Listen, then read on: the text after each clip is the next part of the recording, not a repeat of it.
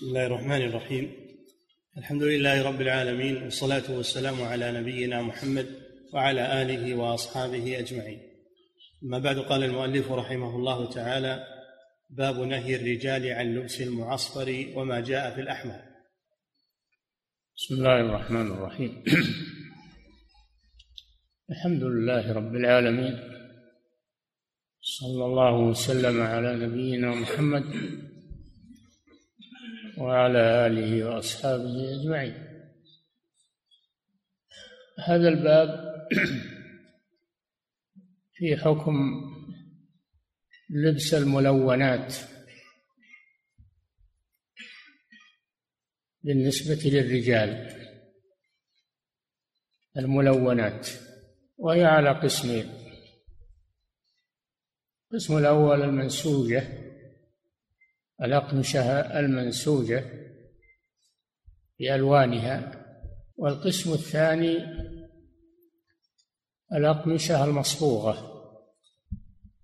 المصبوغة بعد بعد نسيجها. وأحسن هذه الألوان بالنسبة للرجال البياض قد حث عليه صلى الله عليه وسلم كما يأتي. وأسوأها بالنسبة للرجال الأحمر الخالص. الأحمر الخالص. وما عدا ذلك فلا بأس به منسوجا أو مصبوغا. نعم. عن عبد الله عن عبد الله بن عمرو رضي الله عنهما قال رأى رسول الله صلى الله عليه وسلم علي ثوبين معصفرين. فقال إن هذه من ثياب إن هذه من ثياب الكفار فلا تلبسها. رواه أحمد ومسلم والنسائي. نعم النوع الأول من المصبوغات ما صبغ بالعصفر وهو نوع من النبات يجعل الثوب أحمر. فهذا ورد النهي عنه. اختلف العلماء. هل هو نهي للتحريم أو نهي للكراهة؟ الجمهور على أنه للكراهة. ذهبت طائفة إلى أنه للتحريم. اختاره الإمام الشوكاني في شرحه أن النهي للتحريم عن لبس المعصفر وهو المصبوغ بالعصفر. نعم. وهذا الحديث حديث عبد الله بن عمرو. بن العاص رضي الله عنهما أن النبي صلى الله عليه وسلم رآه وعليه ثوبان معصفران فنهاه عن ذلك وقال إنما يلبسهما إنما يلبسهما الكفار هذا دليل على النهي عن لبس المعصفر. نعم. وعن عمرو بن شعيب. عن أبيه عن جده. قال أقبلنا مع رسول الله صلى الله عليه وسلم من ثنية. فالتفت إلي وعلي ريطة مضرجة بالعصفر. فقال ما هذا؟ فعرفت ما كره. فأتيت أهلي وهم يسجرون تنورهم فقذفتها فيه. ثم أتيته من الغد. فقال يا عبد الله ما فعلت الريطة؟ فأخبرته فقال ألا كسوتها بعض أهلك؟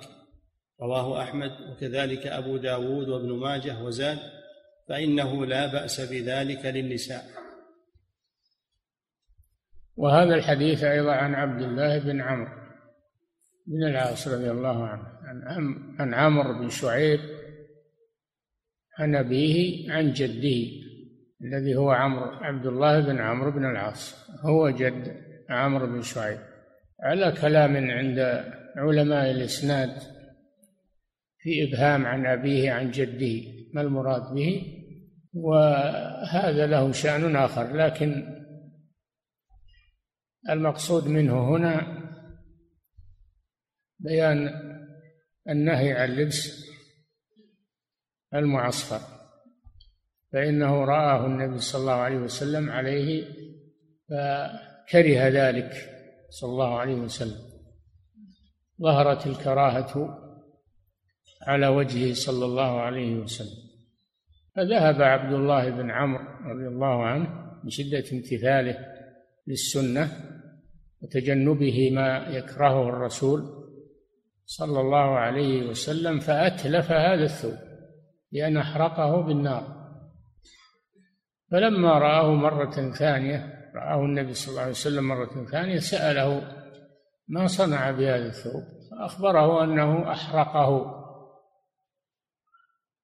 فقال صلى الله عليه وسلم لو كسوته أهلك يعني النساء. هذا دليل على أنه لم يستحسن صلى الله عليه وسلم إتلافه ما دام ينتفع به. هذا من إضاعة المال. فلو أنه ألبسه نساءه ولم يتلفه لكان أحسن. هذا دليل على أنه لا يتلف المال ما دام له وجه الانتفاع. ما دام له وجه يباح. استعماله فيه. فلا يتلف. نعم. وعن علي رضي الله عنه قال نهاني رسول الله صلى الله عليه وسلم عن التختم بالذهب وعن لباس القسي وعن القراءة في الركوع والسجود وعن لباس المعصفر.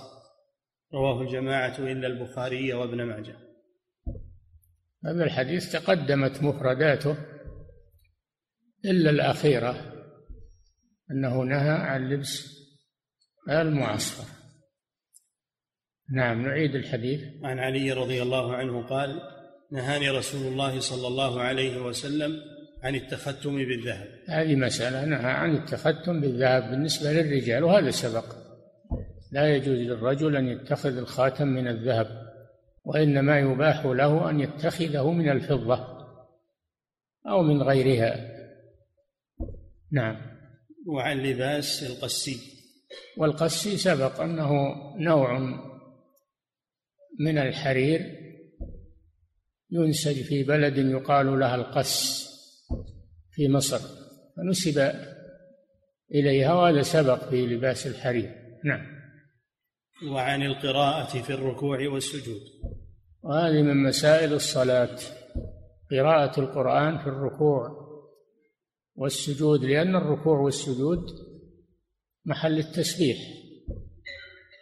الركوع محل التسبيح والسجود كذلك محل التسبيح والدعاء.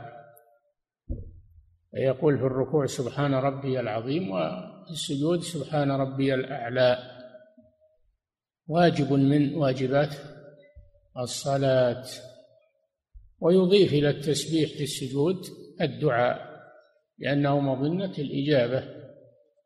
ونهي عن قراءة القرآن في الركوع والسجود لأن هذا في غير محله القرآن إنما يقرأ في القيام في الصلاة. يقرأ في حالة القيام في الصلاة. فهو قراءة للقرآن في غير محل. القراءة. هذا فيه دليل على منع قراءة القرآن للراكع والساجد إلا إذا كان هذا من باب الدعاء بأن جاء بدعاء يوافق ما في القرآن ولم يقصد التلاوة إنما يقصد الدعاء فلا بأس. نعم. وعن لباس المعصفر. وعن لباس المعصفر. هذا هو الشاهد للباب والمعصفر هو الثوب المصبوغ بالعصفر لأنه يكون أحمر. نعم. رواه الجماعة إلا البخاري وابن ماجه وعن البراء بن عازب رضي الله عنه قال كان رسول الله صلى الله عليه وسلم مربوعا بعيد ما بين المنكبين له له شعر يبلغ شحمة أذنيه. رأيته في حلة حمراء. لم أر شيئا قط أحسن منه. متفق عليه. محل الشاهد رأيته في حلة حمراء. وأما صفات جسمه صلى الله عليه وسلم كان مربوعا يعني ليس بالطويل ولا ولا بالقصير. ولا بالدقيق في جسمه عليه الصلاة والسلام وإنما كان معتدلا من أحسن الأجسام عليه الصلاة والسلام. له شعر على رأسه هذا فيه دليل على على مشروعية أو استحباب اتخاذ شعر الرأس على الصفة التي كان عليها رسول الله صلى الله عليه وسلم. لا على الصفة التي يتخذها الآن الكفار أو أصحاب العقائد المنحرفة تكون علامة لهم. هذا لا يجوز. إنما إذا كان على صفة ما كان صلى الله عليه وسلم يتخذه وكان يطيل شعر رأسه إلى شحمة أذنيه شحمة الأذن هي أسفل الأذن. ما رق ما رق من أسفل الأذن. محل القرط للنساء. نعم. وإيش وكان بعيد ما بين المنكبين عليه الصلاة والسلام. هذا من صفاته الجسمية. أنه بعيد ما بين المنكبين. هذا من صفاته الجسمية عليه الصلاة والسلام. نعم. وعن البراء بن عازب رضي الله عنه. الآخر آخر الحديث. رأيته في حلة حمراء. رأيته في حلة حمراء هذا محل الشاهد. حلة تقدم لنا أن الحلة ما كان من إزار ورداء. هذه هي الحلة ما كان من إزار ورداء. وهذه الحلة كانت مصبوغة بالحمرة هذا يدل على جواز لباس الأحمر للرجال ولكن تأتي أحاديث تنهى عن ذلك. فيحمل هذا على أن أن هذه الحلة ليست أحمر خالص ليست حمراء خالصة وإنما فيها لون غير الحمرة. فإذا كان الثوب ثوب الرجل فيه لون غير الحمرة من البياض أو غير البياض وليس أحمر خالصا فلا بأس بذلك جمعا بين الأحاديث. كما ذكره ابن القيم رحمه الله في زاد المعاد. نعم. تعيد الحديث. وعن البراء بن عازب رضي الله عنه قال كان رسول الله صلى الله عليه وسلم مربوعا بعيد ما بين المنكبين له شعر يبلغ شحمة أذنيه. رأيته في حلة حمراء. حلة حمراء محل الشاهد. حلة حمراء يدل على جواز لبس الأحمر للرجال ولكن لا يكون أحمر خالصا إنما يكون فيه خطوط من البياض أو غيره. نعم. رأيته في حلة حمراء لم أرى شيئا قط أحسن منه. متفق عليه. لا شك أن أحسن أحسن الأجسام وأحسن المظهر هو الرسول صلى الله عليه وسلم. لا أحد يشابه الرسول من كل وجه. نعم.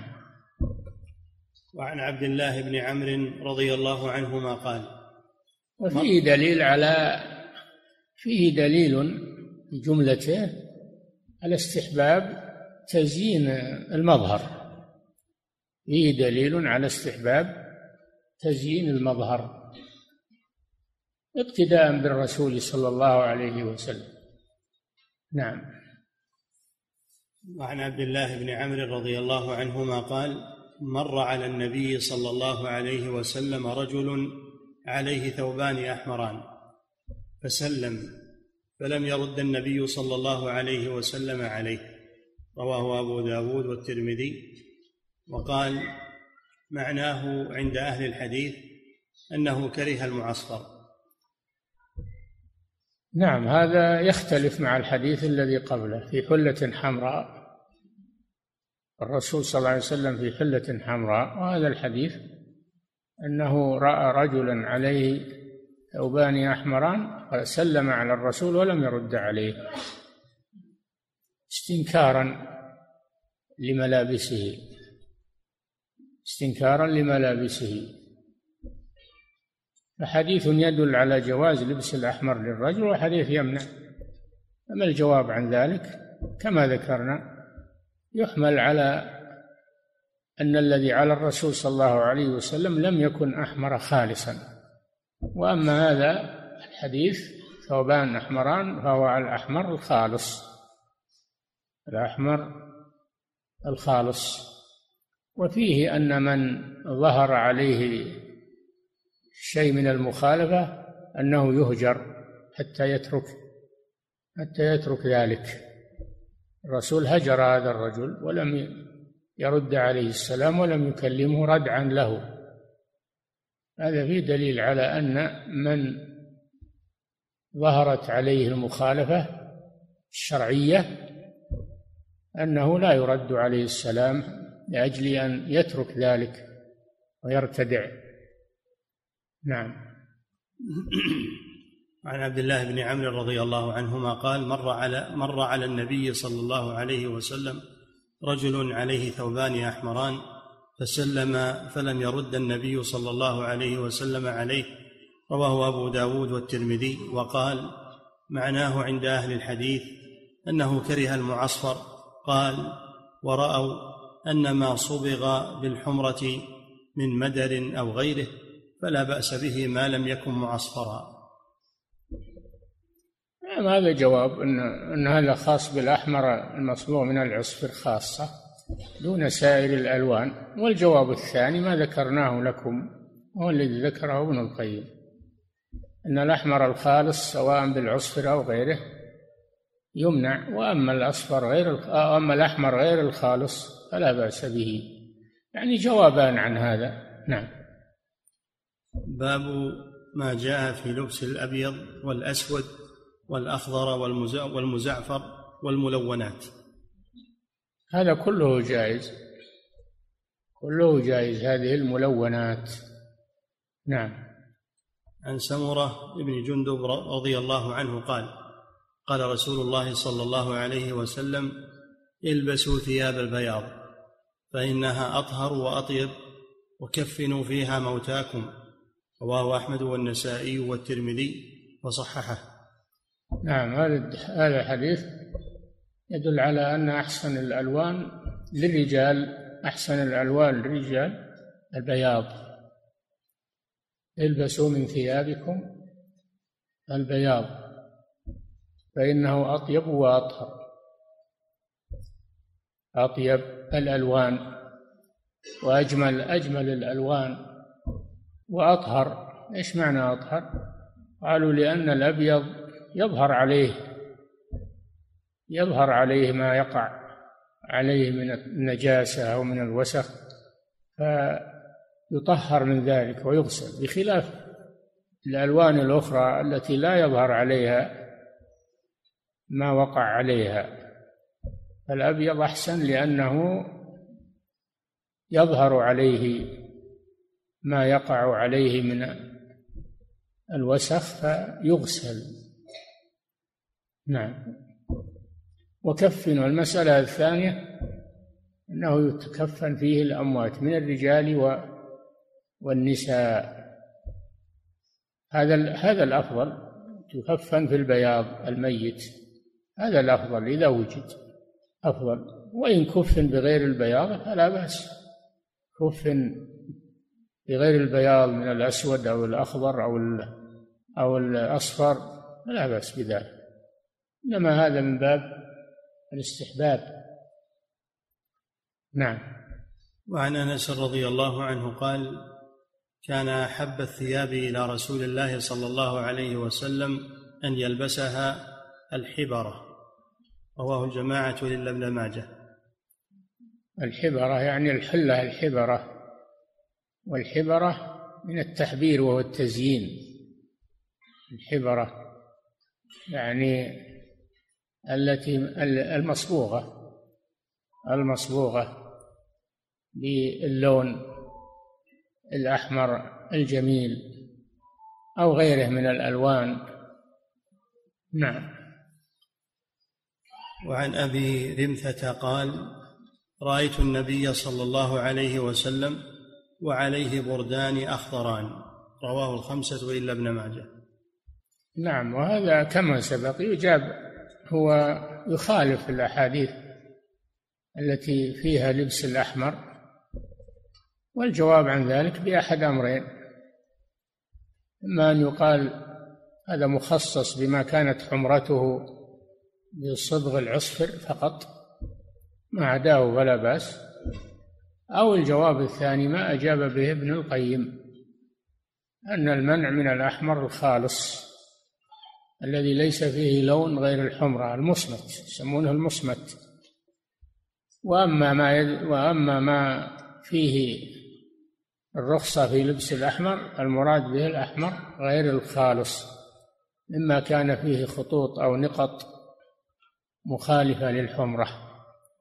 وبهذا تجتمع الأدلة إن شاء الله. نعم.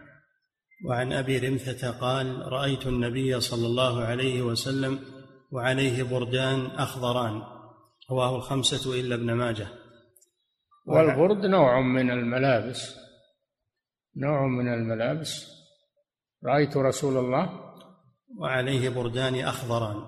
أخضران هذا يدل على على أنه لا بأس بلبس الأخضر بل هو أحسن لأنه لباس أهل الجنة. عاليهم ثياب سندس خضر فالأخضر لا شك أنه يلي الأبيض يلي الأبيض في الاستحباب. نعم.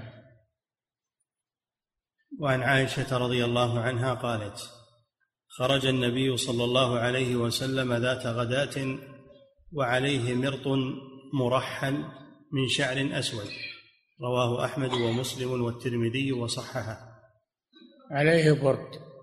مرحل. إيش معنى مرحل؟ يعني فيه صور. فيه صور رحال الإبل. فيه صور رحال الإبل التي توضع على ظهورها للحمل. والرحل معروف هو ما يوضع على ظهر البعير لأجل الركوب عليه أو الحمل عليه. ففيها صور هذه الثياب فيها صور رحال الإبل مرحلة مرط مرحلي كما يقول امرئ القيس مرحلي يعني فيه صور رحال الإبل. هذا تجميل للثوب دل على أن الثوب المشجر لا بأس به أيضا بالنسبة للرجال. نعم. وعن عائشة قالت خرج النبي صلى الله عليه وسلم ذات غداة وعليه مرط مرحل من شعر أسود. نعم هذا فيه صفتان. صفة أنه مرحل. هذا دليل على جواز تشجير الثوب وتطريزه للرجل. والمسألة الثانية آه، أنه أيضا أسود. فيه دليل على جواز لبس السواد للرجل. على لبس السواد للرجل. نعم. وعن أم خالد قالت أتي النبي صلى الله عليه وسلم بثياب فيها خميصة سوداء فقال من ترون نكسو هذه الخميصة؟ فأسكت القوم فقال أتوني بأم خالد. فأتي بي إلى النبي صلى الله عليه وسلم فألبسنيها بيده. وقال أبلي وأخلقي مرتين. وجعل ينظر إلى علم الخميصة ويشير بيده إلي ويقول يا أم خالد هذا سنى يا أم خالد سنى سنى يا أم خالد هذا سنى يا أم خالد هذا سنى والسنى بلسان الحبشة الحسن رواه البخاري. أعيد الحديث. وعن أم خالد قالت أتي النبي صلى الله عليه وسلم بثياب فيها خميصة سوداء. نعم فيها خميصة سوداء. سوداء. هذا دليل على أنه لا بأس بلون السواد للرجال وللنساء. لكن لا يكون لباس الرجل على شكل لباس المرأة. هناك سواد خالص خاص بالرجال. وهناك أسود خاص بالنساء فلا يلبس الرجل لبسة المرأة ولا المرأة تلبس لبسة الرجل. نعم. أتي النبي صلى الله عليه وسلم بثياب فيها خميصة سوداء فقال من ترون نكسو هذه الخميصة؟ يعني من الجواري يعني من الجواري. نعم. فأسكت القوم فقال ائتوني بأم خالد. فأتي لما رآهم سكتوا هو صلى الله عليه وسلم عين عين من يكسوها. نعم. فأتي بي إلى النبي صلى الله عليه وسلم فألبسنيها بيده. وقال نعم هذا من تواضعه صلى الله عليه وسلم. نعم. وقال أبلي وأخلقي. أبلي وأخلقي. أبلي يعني دعاء بطول العمر. أنها تلبس حتى يبلى ما عليها ويخلق أخلقي يعني يخلق ما عليك من طول اللبس فيه دعاء بطول العمر. وهذا دليل على أنه يدعى لمن لبس ثوبا أن يدعى له بمثل ذلك يدعى له بمثل ذلك. أن الله يمهله ويطيل عمره. نعم. فألبسنيها بيده وقال أبلي وأخلقي مرتين وجعل ينظر إلى علم الخميصة ويشير بيده إلي إلى وجعل ينظر إلى علم الخميصة علم الخميصة يعني تطريز الخميصة. نعم. ويشير بيده إلي ويقول يا أم خالد هذا سنى يا أم خالد هذا سنى يعني حسن سنى يعني حسن بلسان الحبشة. وهذا في دليل على جواز التلفظ بالألفاظ الأعجمية في بعض الأحيان استعمالها والتلفظ بها. نعم. لأن الرسول صلى الله عليه وسلم تكلم بلسان الحبشة في هذه الكلمة. نعم. وعن ابن عمر رضي الله عنهما أنه كان يصبغ ثيابه ويدهن بالزعفران. فقيل له يصبغ ثيابه يعني بالزعفران ويدهن يعني يدهن في جسمه بالزعفران. نعم. والزعفران نبات طيب الرائحة معروف. نعم. أنه كان يصبغ ثيابه ويدهن بالزعفران. فقيل له لم تصبغ ثيابك وتدهن بالزعفران؟ فقال لأني رأيته أحب الأصباغ إلى رسول الله صلى الله عليه وسلم يدهن به ويصبغ به ثيابه. نعم عن عن إيه؟ عن ابن عمر. نعم. رضي الله عنهما أنه كان يصبغ ثيابه ويدهن بالزعفران. فقيل له لم تصبغ ثيابك وتدهن بالزعفران؟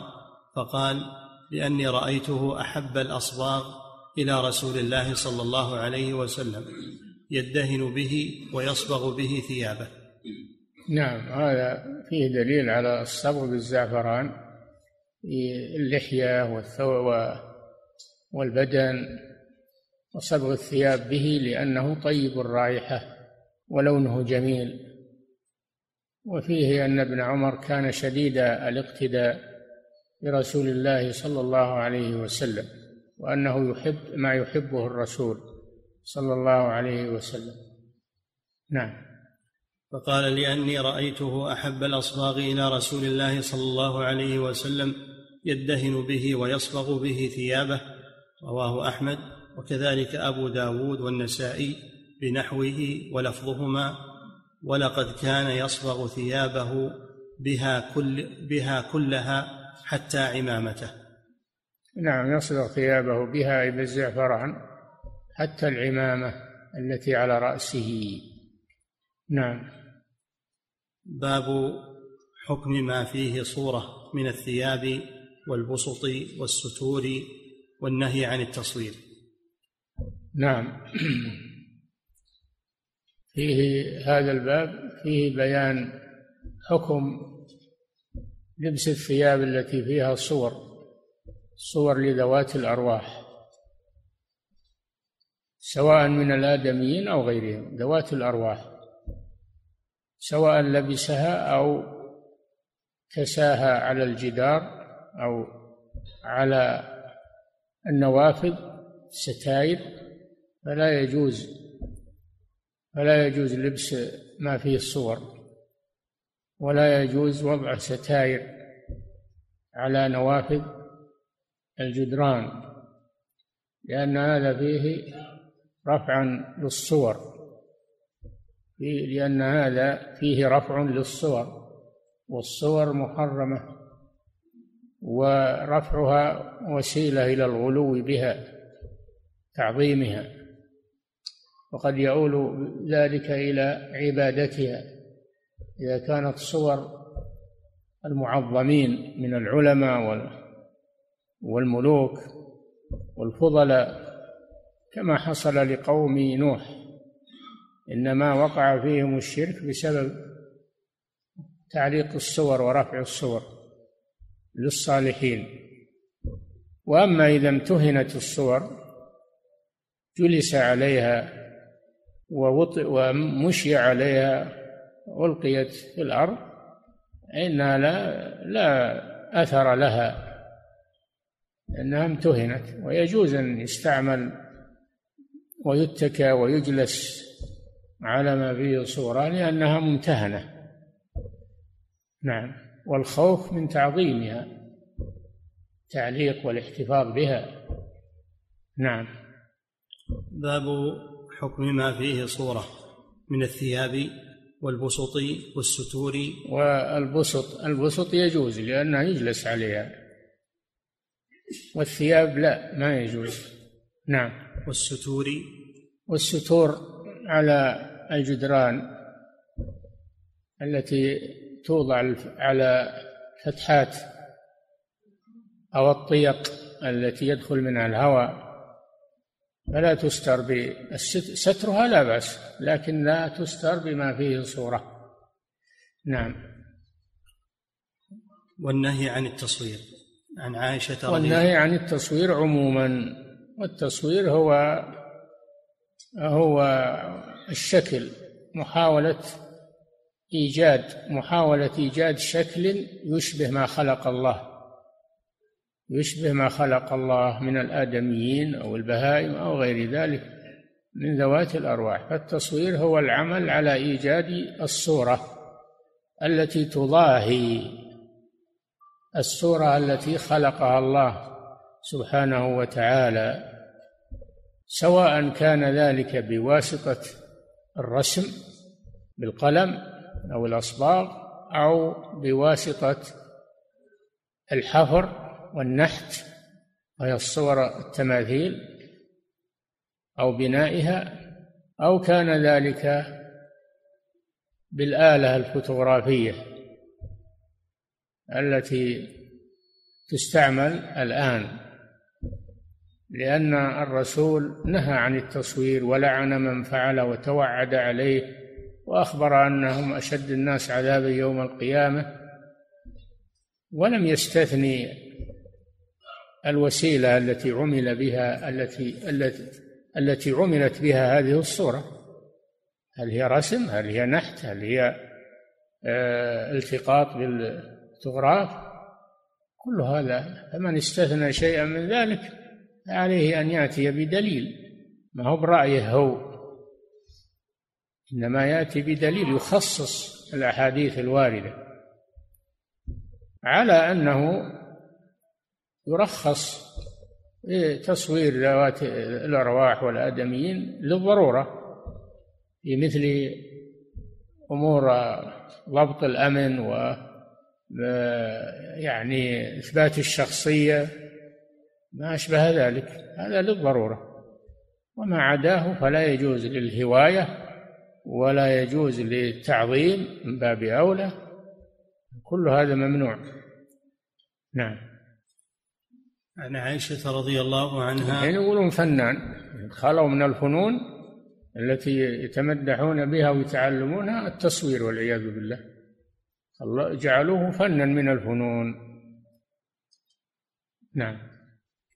عن عائشة رضي الله عنها أن النبي صلى الله عليه وسلم لم يكن يترك في بيته شيئا فيه تصاليب إلا نقضه. لم يكن صلى الله عليه وسلم يترك في بيته شيئا فيه تصاليب يعني صورة الصليب. صورة للصليب. والصليب عبارة عن صورة المسيح بزعمهم مصلوبا قبحهم الله. لأنهم يزعمون أن المسيح قتل وصلب. صلبه اليهود وقتلوه.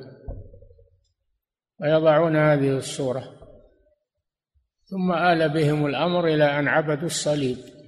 عبدوا الصليب. لأن تعظيم الصورة يؤدي إلى عبادتها.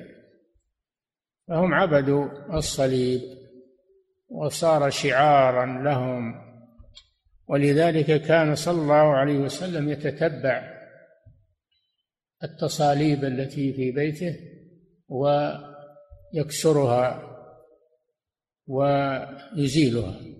والآن كما ترون الابتلاء والامتحان في هذه الأمور تساهل فيها. نعم. البيت مليان من الصور والمكتب مليان من الصور والشوارع مليانة من الصور المنصوبة ولا حول ولا قوة إلا بالله. نعم. عن عائشة رضي الله عنها أن النبي صلى الله عليه وسلم لم يكن يترك في بيته شيئا فيه تصاليب إلا نقضه. يعني فيه صورة صليب. يعني صورة رجل مصلوب على الخشبة يزعمون أن أن هذا المسيح قتل وصلب. قد كذبوا في ذلك وما قتلوه وما صلبوه ولكن شبه لهم بل رفعه الله وما قتلوه يقينا بل رفعه الله إليه. رفعه الله من بينهم. يريدون قتله. دخلوا عليه يريدون قتله. فرفعه الله من بينهم. فألقى الله الشبه على واحد معهم شبه المسيح فقتلوه. يظنون أنه المسيح. ويقال أنه هو الذي دلهم على مكان المسيح عليه السلام دلهم على الدخول عليه فالله ألقى الشبه عليه فقتلوه ونجى الله رسوله صلى الله عليه وسلم ولا بل رفعه الله إليه كان الله عزيزا حكيما. نعم. رواه البخاري وأبو داود وأحمد ولفظه لم يكن يدع لم يكن يدع في بيته ثوبا فيه تصليب إلا نقضه. فيه تصليب يعني فيه صورة صليب. هي صورة إنسان كما ذكرنا لكم. صورة إنسان مصلوب. إلا نقضه نقضه يعني أزال صورته. نعم. سواء كان معلقة أو محفوظة أو غير ذلك. نعم. وأحمد ولفظه لم يكن يدع في بيته ثوبا فيه تصليب إلا نقضه. وعن عائشة ثوب يعني سواء كان الثوب اللي يلبس أو الثوب الذي يستر به الفتحة في الجدار. نعم. وعن عائشة رضي الله عنها أنها نصبت سترا فيه تصاوير. فدخل رسول الله صلى الله عليه وسلم فنزعه. قالت فقطعته وسادتين. فكان يرتفق عليهما متفق عليه. وفي لفظ أحمد فقطعته مرفقتين فلقد رأيته متكئا على إحداهما وفيها صورة. نعم هذا الحديث فيه مسائل المسألة الأولى تحريم التصوير واستعماله لغير الضرورة والمسألة الثانية تحريم تعليق ما فيه صور على الجدران. والمسألة الثالثة إزالة المنكر لأن الرسول صلى الله عليه وسلم لما رآه هتكه وأزاله. المسألة الرابعة فيها أنه لا بأس أن يرتفق بما فيه صورة على شكل وسادة أو أو بساط يجلس عليه لا بأس بذلك لأن هذا ممتهن الصورة ممتهنة. إذا كانت في تحت آه، إذا كانت على بساط يجلس عليه أو يمشى عليه أو كانت على أريكة يتكى عليها لا بأس بذلك لأنها ممتهنة. نعم. وعن أبي هريرة رضي الله عنه قال قال رسول الله صلى الله عليه وسلم أتاني جبريل فقال إني كنت أتيتك الليلة فلم فلم يمنعني أن أدخل البيت الذي أنت فيه إلا أنه كان في البيت تمثال رجل وكان في البيت قرام ستر فيه تماثيل وكان في البيت كلب فمر برأس التمثال الذي في باب البيت يقطع يصير كهيئة الشجرة وأمر بالستر يقطع فيجعل وسادتين منتبذتين توطآن وأمر بالكلب يخرج. ففعل رسول الله صلى الله عليه وسلم. وإذا الكلب جرو وكان للحسن والحسين تحت نضد لهم. رواه أحمد وأبو داود والترمذي وصححه. نعم. جبريل عليه السلام كان يأتي إلى النبي صلى الله عليه وسلم ويدخل عليه في صورة رجل يأتيه بالأمر من الله عز وجل لأنه هو السفير بينه وبين الله عز وجل وهو رسول الله من الملائكة ومحمد صلى الله عليه وسلم رسول الله من البشر. فامتنع مجيء جبريل عليه السلام إلى إليه في بيته عليه الصلاة والسلام. امتنع. بين جبريل أن ذلك لسبب. لما سأله محمد لماذا لا, لا تأتيني؟ فبين له السبب أن البيت فيه مانعان. مانع الأول فيه فيه تمثال معلق. تمثال يعني رسم. ما هو بالتمثال خاص بالصورة القائمة المصنوعة أو المنحوتة. يشمل الصورة على الفراش أو على تسمى تمثال أو على البساط تسمى تمثال. الرسم الذي على آه، القماش يسمى تمثال. يسمى تمثال. والبيت فيه مانع آخر وهو الكلب. قد جاء في الحديث أن الملائكة لا تدخل بيتا فيه كلب ولا ولا صورة. ففي هذا تحريم رفع الصور في البيوت. وفيه تحريم اتخاذ الكلاب في البيوت. وأن ذلك يمنع من دخول الملائكة. جبريل امتنع من الدخول على الرسول. وكذلك الملائكة تمتنع من الدخول على المؤمنين. لأن المؤمنون لأن المؤمنين تأتيهم الملائكة أيضا. تثبتهم وتؤنسهم وتأتيهم المؤمن يأتيه الملائكة. ملائكة الرحمة. ملائكة الرحمة. فإذا كان في البيت صور غير ممتهنة أو فيه كلب فالملائكة لا تدخل فيه. هذا حرمان حرمان للعبد. وفيه أنه إذا أزيل شكل الصورة إذا أزيل شكل الصورة بأن يقطع رأسها وأخرج الكلب من البيت أن الملك يستمر على الدخول لزوال المانع لزوال المانع من ذلك. وبعض الناس ابتلوا بالصور في البيوت والتماثيل وابتلوا بالكلاب تقليدا للغرب يغذونها ويدخلونها في بيوتهم إلى غير ذلك ولا حول ولا قوة إلا بالله. نعم. ففعل رسول الله صلى الله عليه وسلم وإذا الكلب جرو وكان للحسن والحسين الكلب جرو ما علم عنه الرسول صلى الله عليه وسلم. وكان للحسن والحسين رضي الله عنهما صغيران طفلان صغيران يلعبان به. ما علم به الرسول صلى الله عليه وسلم. كان تحت آه، نضد لهما يضعون عليه ثيابهم وحوائجهم. أخفوه تحته ولم يعلم به الرسول صلى الله عليه وسلم. نعم. وعن ابن عمر رضي الله عنهما أن يكفي. رسول يكفي. نعم.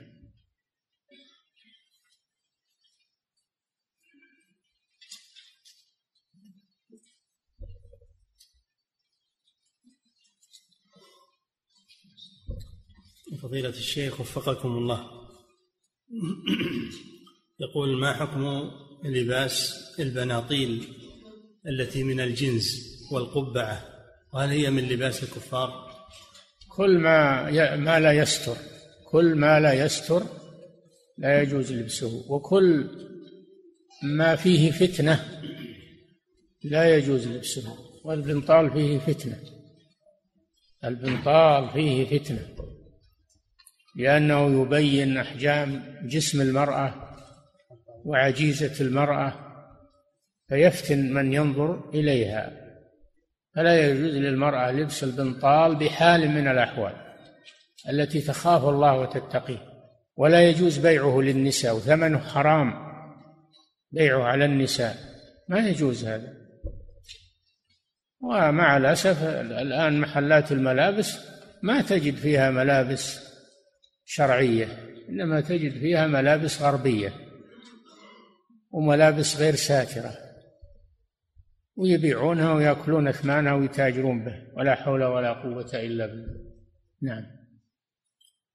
فضيلة الشيخ وفقكم الله يقول هناك نوع من أنواع الجاكيتات والأكوات لونها أحمر خالص. فهل يجوز للرجل أن يلبسها؟ لا إذا كان أحمر خالص تجنبها. إذا كانت مخلوطة من حمرة وغيرها لا بأس. نعم. فضيلة الشيخ وفقكم الله كيف يكون المعصفر من لباس الكفار وينهى عنه ثم يباح للنساء؟ هذا هكذا الدليل يا أخي. يعني أنت تناقش الدليل. هكذا ورد الدليل. المرأة لها وضع خاص. لها وضع خاص. إنما رجال الكفار يلبسون هذا رجال الكفار. وأما النساء فلها وضع خاص. نعم لا تدخل في هذا. نعم. فضيلة الشيخ وفقكم الله في الحديث أن النبي صلى الله عليه وسلم قال لعبد الله بن عمرو ألا كسوتها بعض أهلك؟ هل يفهم من هذا أنه يجوز للنساء أن يلبسن ثياب الرجال؟ ما هي بالرجال هذه يا أخي؟ هذا ينطبق على النساء.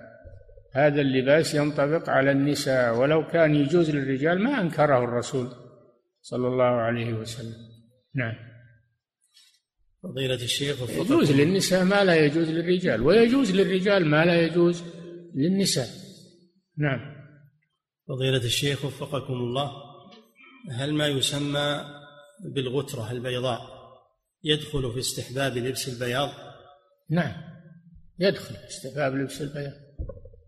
الغترة والعمامة وما و غطاء الرأس كله البياض طيب. سواء كان جزئيا على البدن أو كان كاملا لباسا كاملا على البدن. نعم. ويقول حفظك الله يقول هناك نوع من الشماغ أبيض وليس إيه؟ غترة فهل يلبس ويكون له نفس الفضل؟ هذا طيب الأبيض طيب. نعم. شماغ ولا غترة؟ ولا شال من الصوف أبيض؟ كله طيب. نعم. فضيلة الشيخ. ولا عمامة. ولا طاقية. أي نعم. فضيلة الشيخ وفقكم الله. ما حكم الدعاء وقت الركوع؟ حيث إن فضيلتكم ذكر في كتاب مجالس رمضان أنه لا بأس بالدعاء بالركوع. إيه لكن في السجود أكثر ويجوز بالركوع والسجود لكن في السجود أكثر لقوله صلى الله عليه وسلم وأما السجود فأكثروا فيه. من الدعاء فقمن أن يستجاب لكم. نعم. فضيلة الشيخ وفقكم الله ما الحكم لو قلت في الركوع أو في السجود ربنا لا تزغ قلوبنا بعد إذ هديتنا؟ وهذه آية قرآنية. كما ذكرت لكم قريبا أنه إذا قصد الدعاء لا بأس. وأما إذا قصد التلاوة فهذا منهي عنه. نعم. فضيلة الشيخ وفقكم الله ما حكم الدعاء بقول أبقاك الله؟ لا بأس بذلك تبي تقول أهلكك الله؟ نعم لا بأس بذلك نعم. فضيلة الشيخ وفقكم الله النبي صلى الله عليه وسلم لم يرد السلام على رجل لابس للثوب الأحمر.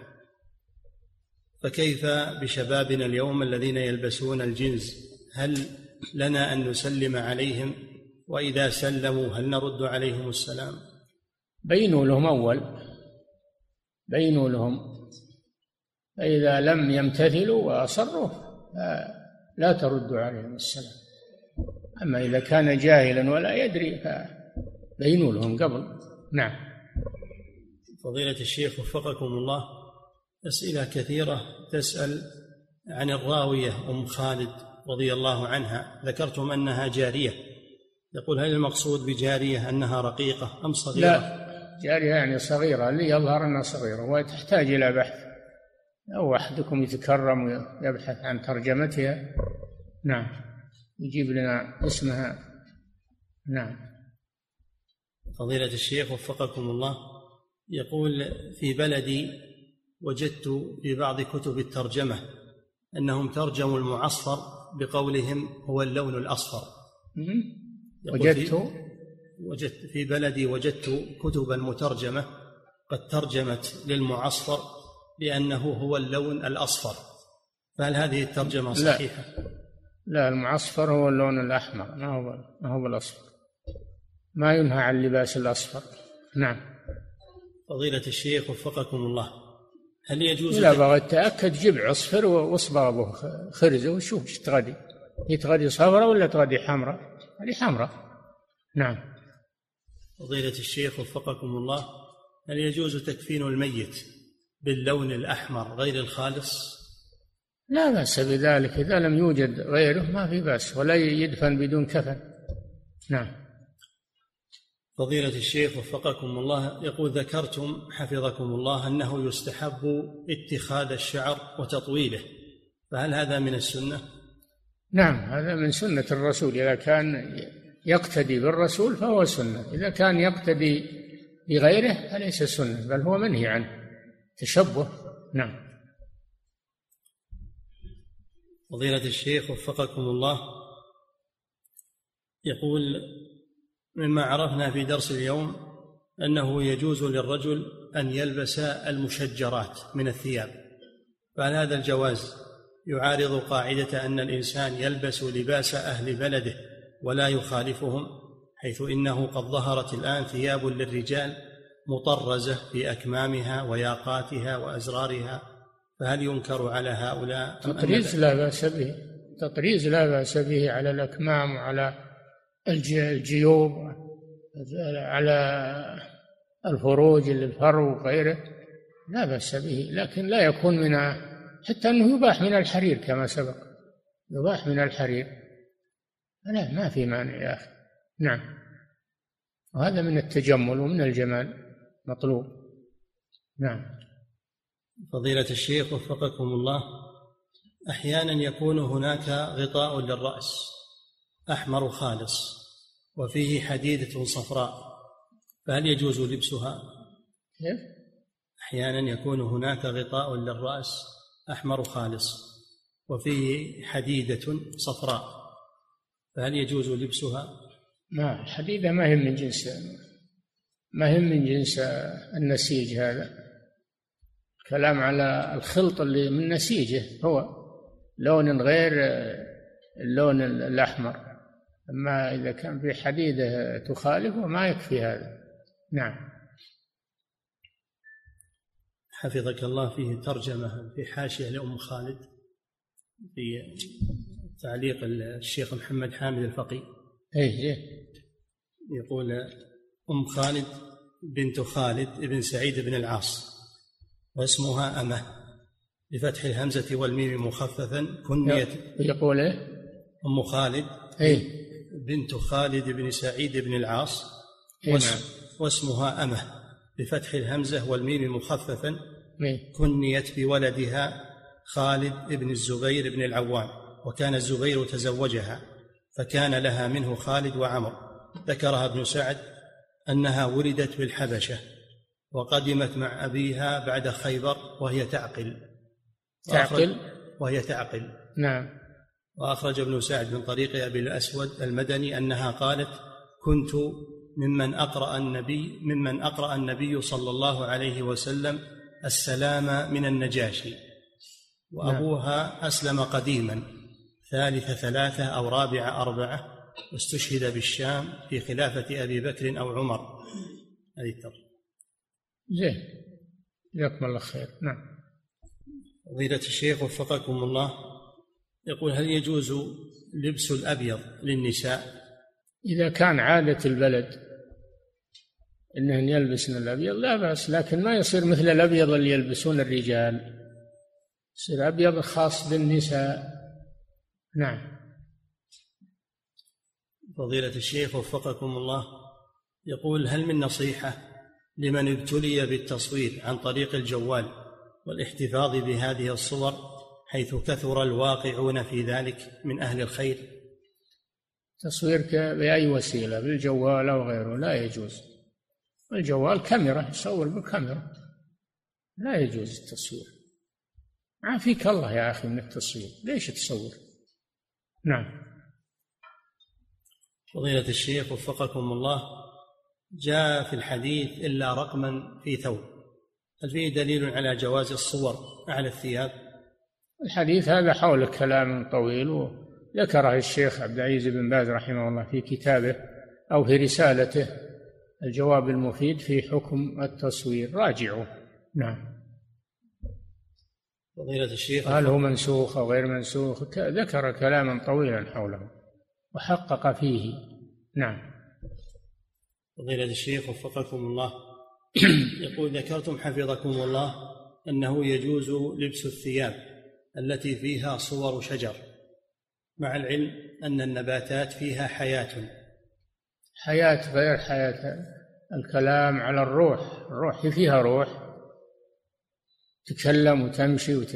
لا هذه حياة نباتية. حياة نباتية يسمونها حياة النمو. الحياة على قسمين حياة نمو وهذه تكون في النباتات وغيرها وحياة حركة. هذه لا تكون إلا في الحيوانات بني آدم وغيرهم. نعم. فضيلة الشيخ وفقكم الله يقول بالنسبة للفرش والوسائل التي توجد في الأسواق عليها صور لبعض يقول تصلح لبعض الأطفال صور لبعض الأطفال فهل يجوز شراؤها؟ إذا كانت تمتهن يجلس عليها أو توسدها لا بأس بذلك. وإذا عدلت عنها إلى شيء خالص ما في شيء أحسن. نعم. كلام على الجواز ما هو على الأحسن. و... نعم. فضيلة الشيخ وفقكم الله يقول ما حكم تصوير نار الدنيا وعرضها على الناس بقصد وعظهم وإرشادهم؟ تصور الدنيا الدنيا تصور. نار الدنيا. الله مثلها في القرآن إنما مثل الحياة. تمثل مثل مثال أما صورة ما تحيط بالدنيا تصورها. نعم. فضيلة الشيخ وفقكم الله يقول لدينا في العمل مطلوب تصوير المخالفات في بعض الأحيان فيدخل في تصوير المخالفة تصوير الأشخاص ونقوم بطباعة هذه الصورة لأغراض العمل وتثبيت المخالفة. فهل يجوز ذلك؟ أغراض إيش؟ لأغراض العمل. العمل؟ نعم. إذا كان هذا من ناحية أمنية لضبط الجرائم والمجرمين هذا غرض صحيح أما غير ذلك لا يضبط بغير التصوير. نعم. فضيلة الشيخ وفقكم الله هل يجوز لبس الحرير الصناعي للرجال؟ ما هو بحرير هذا يسمونه حرير وما هو بحرير لا بأس به. كلام على الحرير الأصلي. حرير دودة القز هذا هو المحرم نعم. فضيلة الشيخ وفقكم الله هل يجوز تعليق الآيات القرآنية في المنزل؟ كذلك بعض الأدعية. لا. ما كان السلف يعملون هذا وهذا فيه عرضة للامتهان. امتهان القرآن وامتهان الأدعية قد تسقط وتداس وغير ذلك. وقد يكون في المحل اللي فيه هذه الآيات عمل منكرات وإهانة ما يجوز هذا. نعم. فضيلة الشيخ وفقكم الله يقول هل من نصيحة لفضيلتكم للناس عامة ولطلاب العلم خاصة عن شعيرة الأمر بالمعروف والنهي عن المنكر وعن من يتساهل بها؟ هذا ما يحتاج فيه الحديث الصحيح. من رأى منكم منكرا فليغيره بيده. هذا اللي عنده سلطة. اللي عنده سلطة. رجال الحسبة ولي الأمر يغيره بيده. فمن لم يستطع اللي ما عنده سلطة بلسانه بالنصيحة بالدعوة إلى الله ببيان الأحكام الشرعية حتى يعرفها الناس. من لا يستطيع بال... إما لأنه ممنوع وإما لأنه ما عنده علم. هذا ينكر بقلبه بمعنى أنه يكره المنكر ويبعد عنه ويتجنبه ويتجنب أهله. نعم. فضيلة الشيخ وفقكم الله يقول بناء على ما سبق من الأحاديث هل يجوز هجر من أسبل ثيابه ولا يسلم عليه؟ بعد البيان يا إخوان بعد البيان الناس غلب عليهم الجهل الآن. يجعلونهم مثل الصحابة. غلب عليهم الجهل الآن. فبينوا لهم ووضحوا لهم. فإذا لم يمتثلوا فهناك وكان هجرهم كان هجرهم يردعهم اهجرهم أما إذا كان هجرهم يزيدهم شرا ويزيد فلا تهجرهم واصلوا النصيحة معهم. نعم. فضيلة الشيخ وفقكم الله. يقول انتشر انتشرت الآن في ملابس النساء والأطفال وحتى في السجادات صور للصليب بأنواعه دون صورة للمصلوب. فما الحكم في ذلك؟ لا هو الصليب على صورة مصلوب. هو الصليب على صورة مصلوب رجل مصلوب. وإن كان يصغر أحيانا ويكبر هو هذا الأصل فيه. نعم. فضيلة الشيخ وفقكم الله هذه سؤال تكرر لامرأة. في بلاد الكفر تقول وتسأل عن مسألة في الخلع تقول امرأة فرت من زوجها ولا تريد أن ترجع إليه قد مضى على ذلك ثلاثة أشهر فهي تكرهه ولا تستطيع البقاء معه قد طلبت وقد طلبت الخلع منذ سنتين لكن القضاة في بلدها المعينون من قبل الحكومة هناك لا يستمعون إليها ويقولون ما دام أن عندك طعام ومسكن فلن يخلعك زوجك. سؤاله أو سؤالها هل يجوز لمسلم معروف بين المسلمين في هذه المنطقة وعارف بمسائل الفقه أن يخلعها من دون رضا زوجها؟ لا. هذه مسألة تتعلق بالمحاكم. ما يخلعها إلا قاضي. ما يخلعها إلا قاضي. ما يخلعها إنسان عادي. نعم. فضيلة الشيخ وفقكم الله هل يعد التأمين قول آمين إذا دعا الخطيب يوم الجمعة من اللغو؟ إذا كان بصوت. هل يعد التأمين عند دعاء الخطيب يوم الجمعة؟ هل يعد من اللغو إذا كان بصوت مرتفع؟ لا لا وقت الدعاء لا بأس. وقت الدعاء تأمن على الدعاء إنما الكلام في صلب الخطبة. أما إذا جاء الدعاء فإنك تؤمن على ذلك. نعم.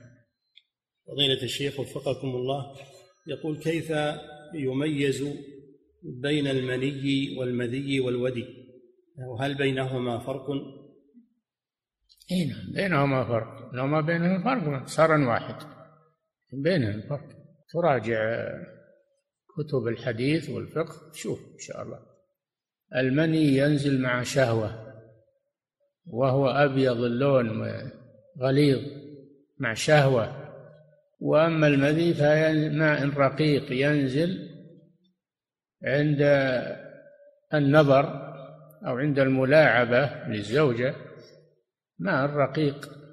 وهذا نجس لكنها نجاسة مخففة يكفي فيها النضح. وأما المني فهو طاهر ما يحتاج غسل إلا من باب النظافة فقط. وأما الودي فحكمه حكم البول. الودي هذا يخرج بعد الفراغ من البول. هذا حكمه حكم البول. نجاسة مغلظة تحتاج إلى غسل مثل ما يغسل البول. نعم. فضيلة الشيخ وفقكم الله ورد عن الرسول صلى الله عليه وسلم أنه قال من تعلم العلم ليباهي به العلماء أو يماري به السفهاء أو يصف به وجوه الناس أدخله الله جهنم. رواه ابن ماجه عن أبي هريرة. يقول هل يدخل في هذا النهي العلوم الدنيوية؟ لا الكلام الكلام على العلوم الشرعية العلوم الدنيوية هذه صناعات صناعات تتعلمها لأجل العيشة ولا والتكسب بها لكن العلم ما يتعلم لأجل التكسب به طلب الدنيا لا طلب للعبادة وعمل الآخرة العلم الشرعي. أما العلم الصناعي فلا بأس به مهنة حرفة. مثل الحرة نعم. فضيلة الشيخ وفقكم الله إذا كنت مسافرا ومدة إقامتي أقل من أربعة أيام هل الأفضل أن أجمع وأقصر أم أقصر فقط وأصل إذا كنت إيش؟ إذا كان إذا كنت مسافرا ومدة إقامتي أقل من أربعة أيام. قال أقل من أربعة أيام. فهل الأفضل أن أجمع وأقصر؟ أم أقصر فقط وأصلي كل صلاة في وقتها؟ هذا فيه تفصيل. إن كنت عند مسجد وتسمع الأذان تصلي مع المسلمين وتقتدي بالإمام وتحصل على الأجر.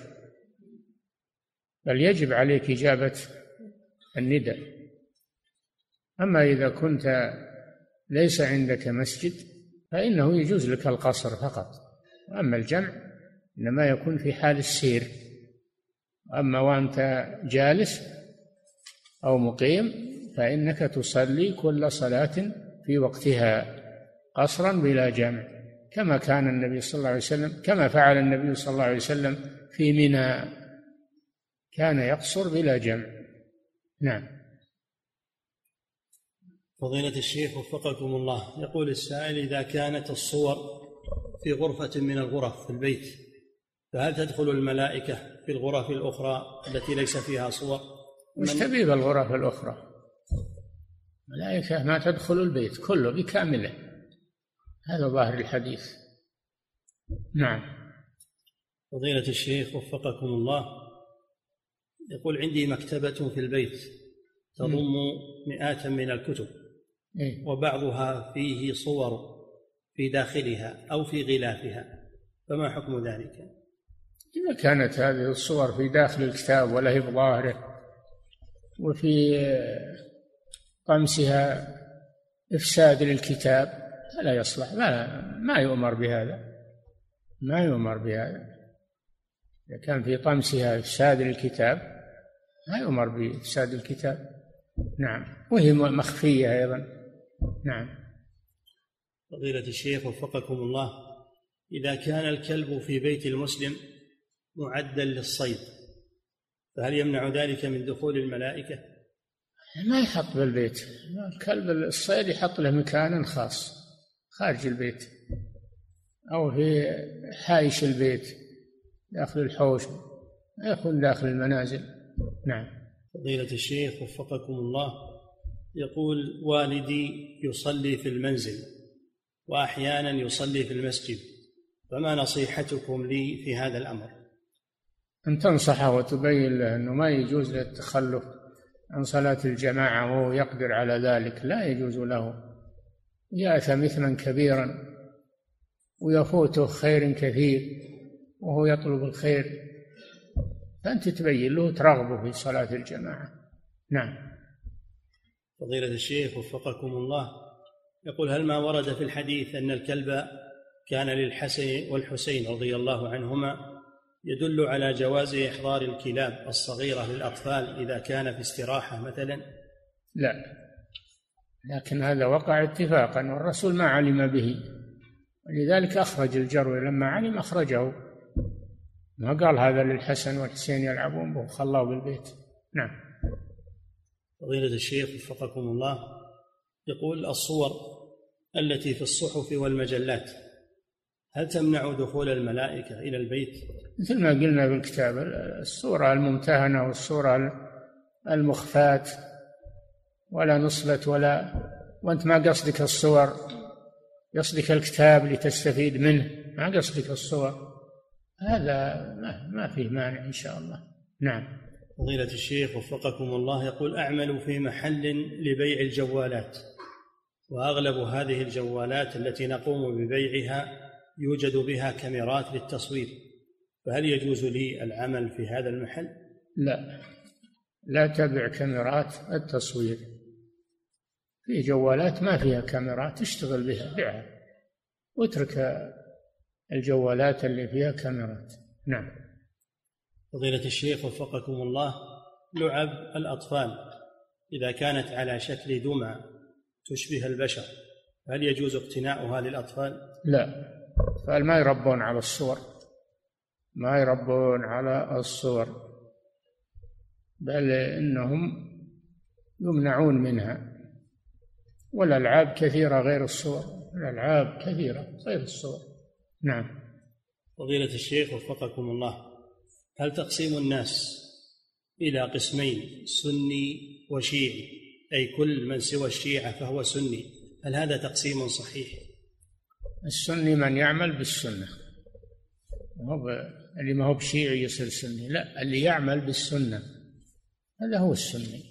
نعم. فضيلة الشيخ وفقكم الله هل يجوز تربية القطة في المنزل؟ وهل تقطع الصلاة إذا مرت بين يدي المصلي؟ لا لا القطة مستثنات طاهرة آه، في فيما تشرب منه فيما تأكل منه طاهر استعمل بعد. وهي كما قال النبي صلى الله عليه وسلم إنها ليست بنجس إنها من الطوافين عليكم.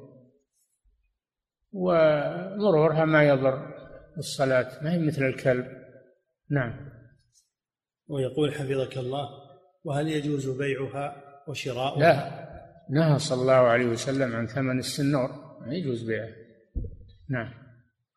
فضيلة الشيخ وفقكم الله يقول ما الحكم إذا كان الشخص يصلي قائما ثم انحنى وهو يصلي بسبب حكة في رجله؟